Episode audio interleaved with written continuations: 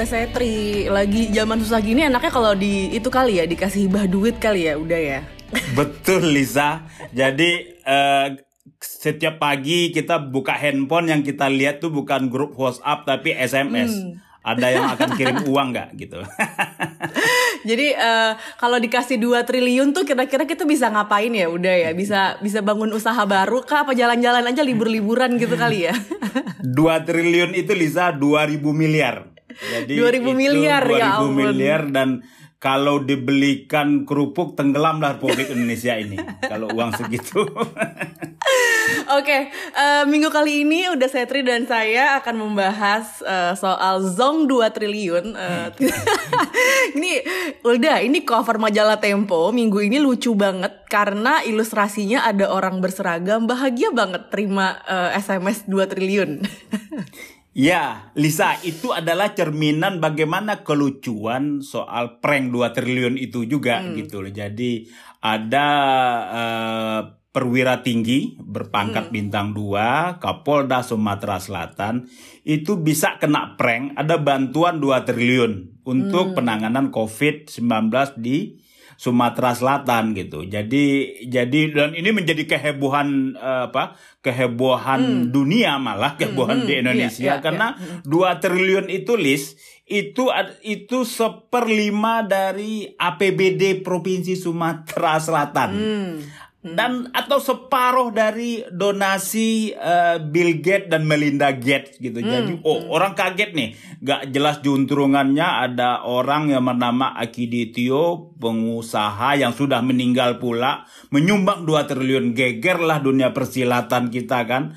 Ternyata prank. Nah, ini yang jadi persoalan. Jadi itu sebagai sebagai cerminan cover itu adalah etalase hmm. untuk menjelaskan apa sih isi uh, laporan utama Tempo pada setiap uh, minggunya. Ini etalase bagaimana ada orang yang yang dapat SMS ada sumbangan 2 triliun kemudian mengepalkan bahagia uh, dan dia lupa bahwa dia sedang kena prank.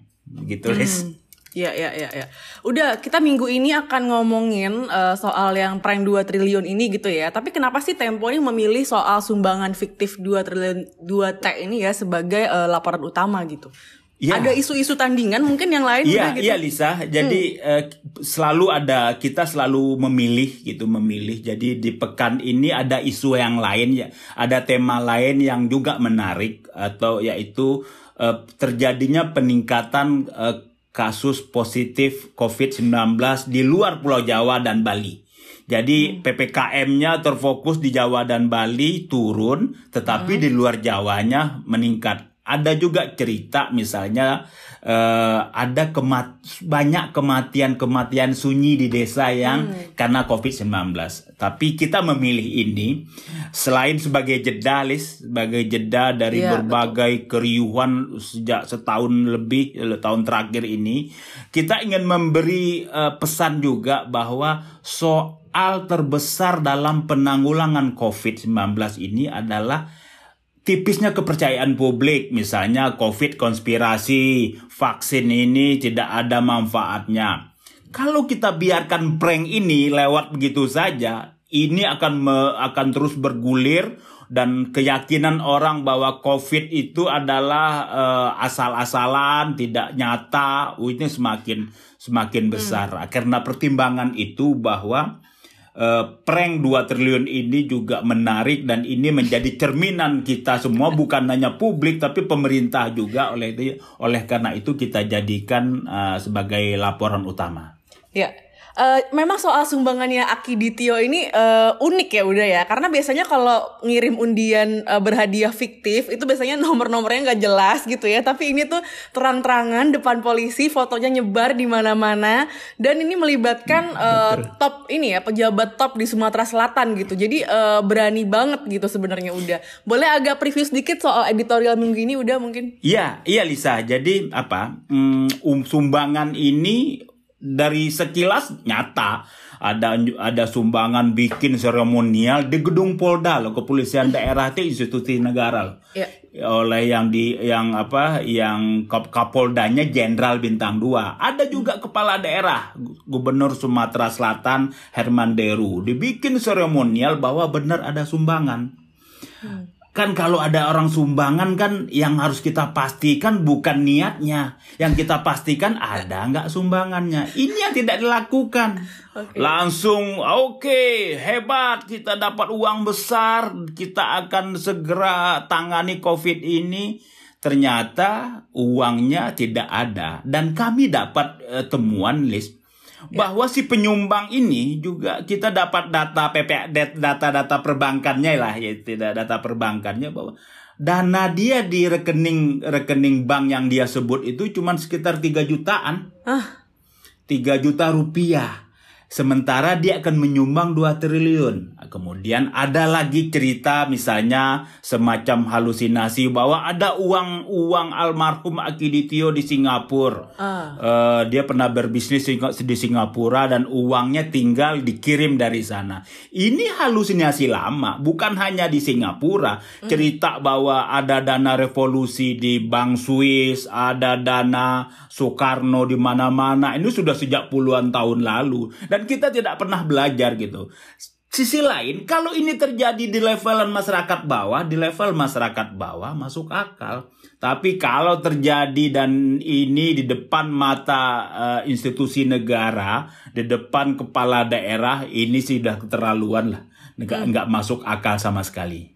Okay. Begitu Lisa. Uh, udah boleh cerita nggak sih bagaimana proses uh, penelusuran teman-teman redaksi untuk meng, uh, mengulik ya profilnya Akiditio ini udah? Iya. Hmm. Ya. Kayaknya seru Jadi, nih kayak kalau ngobrolin ini ya. Betul.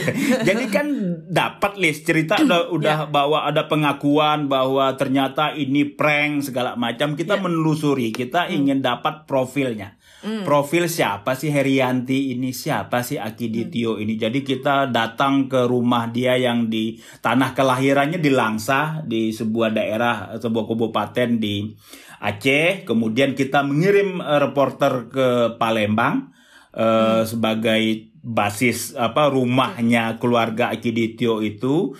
Sisi lain kita juga uh, mencari data perbankan dia. Dia punya uang berapa sih dari rekening mm. kemudian kita dapat detik-detik bagaimana prank ini terjadi dari awal mm. prank ini terjadi dari awal jadi ceritanya itu sudah muncul tapi sekilas seperti ini Lisa muncullah seremonial di uh, Polda Sumatera Selatan yang dihadiri oleh kepala uh, tokoh masyarakat, gubernur, ada bantuan 2 triliun dari keluarga Akiditio yang diberikan oleh anak bungsunya Herianti Akiditio. Yeah.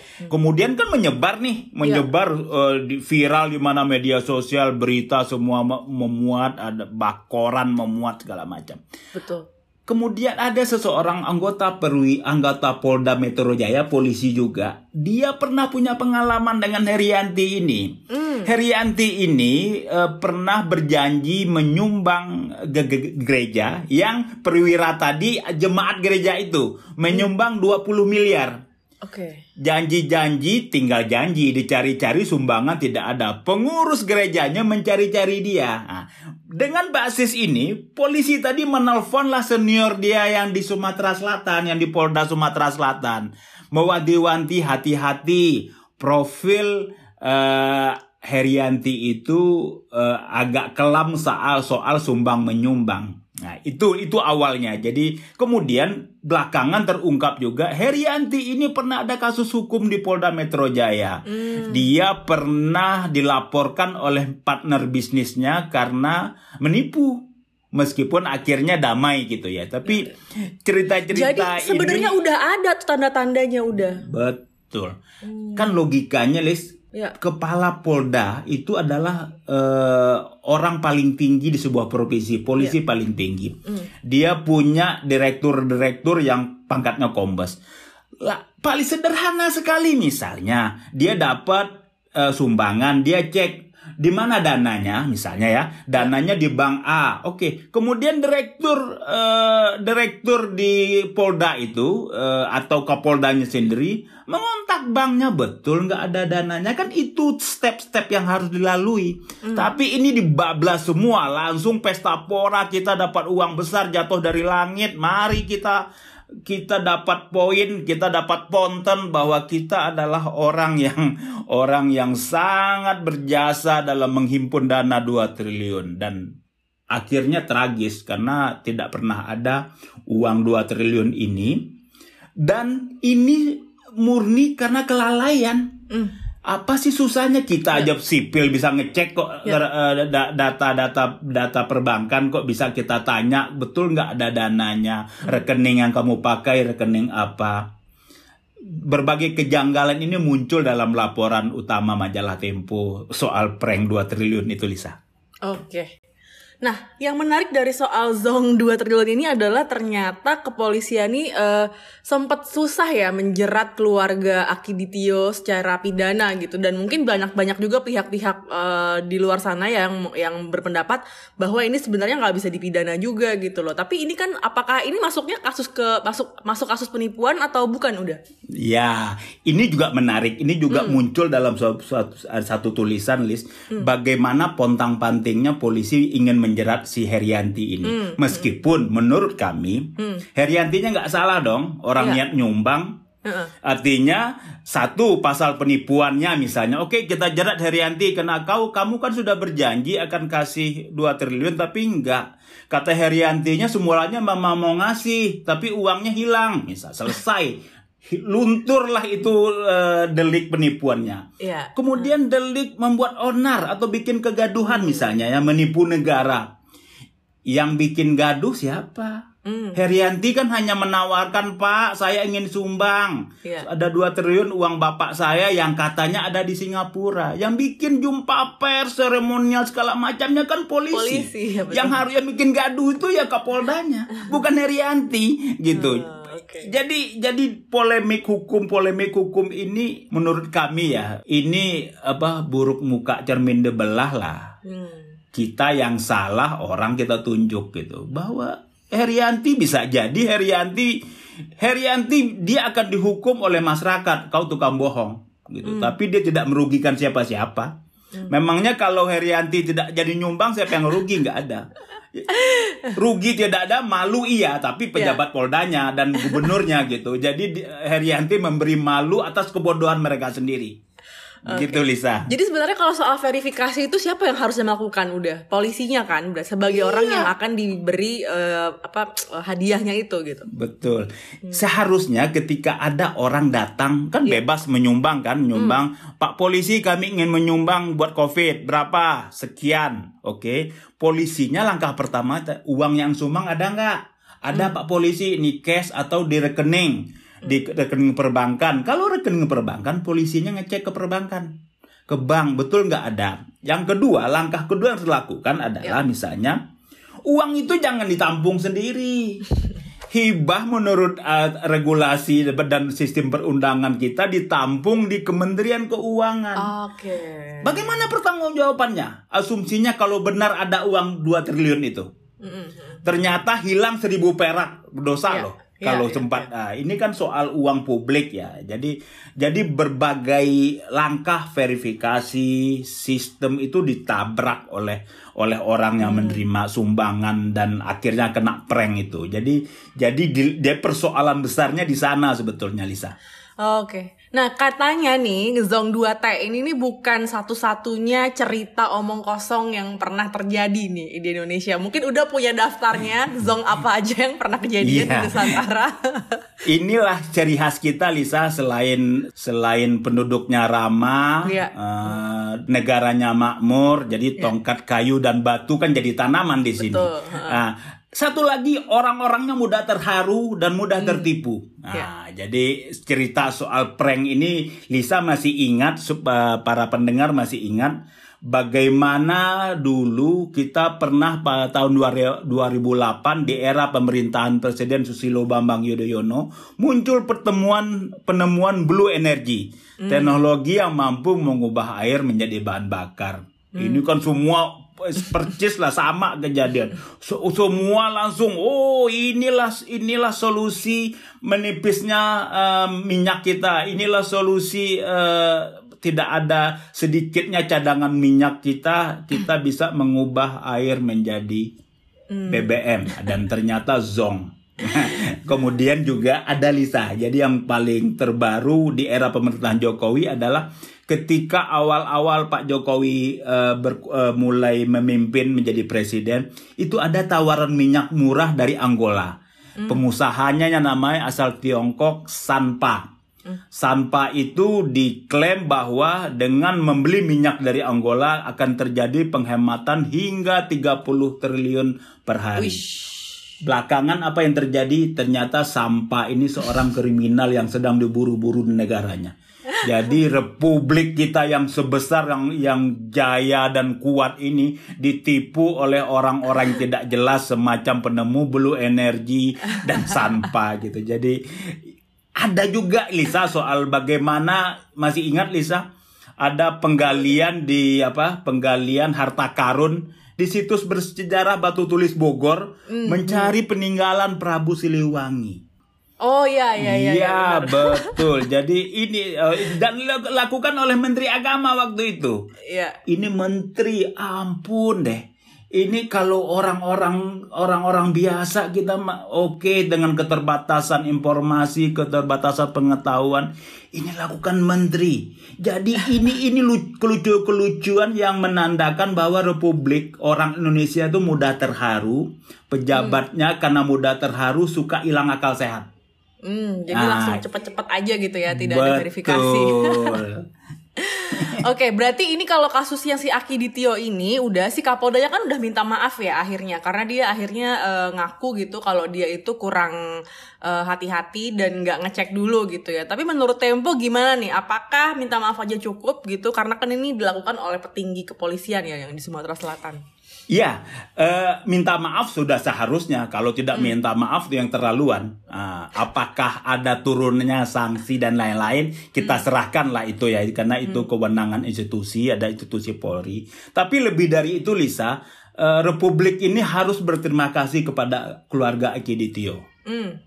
Bukan karena atas janji 2 triliun, tapi bahwa tindakannya, bahwa pranknya sudah membuka kenyataan meskipun pahit, betapa hmm. banyak orang termasuk pejabat publik dengan mudah menerima hal-hal yang tak masuk akal. gitu. Jadi ini ironi. Uh, terima kasih uh, Pak Kiditio sudah membuka semua uh, bangsa yang mudah terharu ini. Uh, dengan para pengelolanya dan sering mudah kehilangan akal sehat. Gitu. itu dari teman-teman ya episode kali ini adalah sebuah pelajaran supaya tidak mudah terbuai janji gitu ya.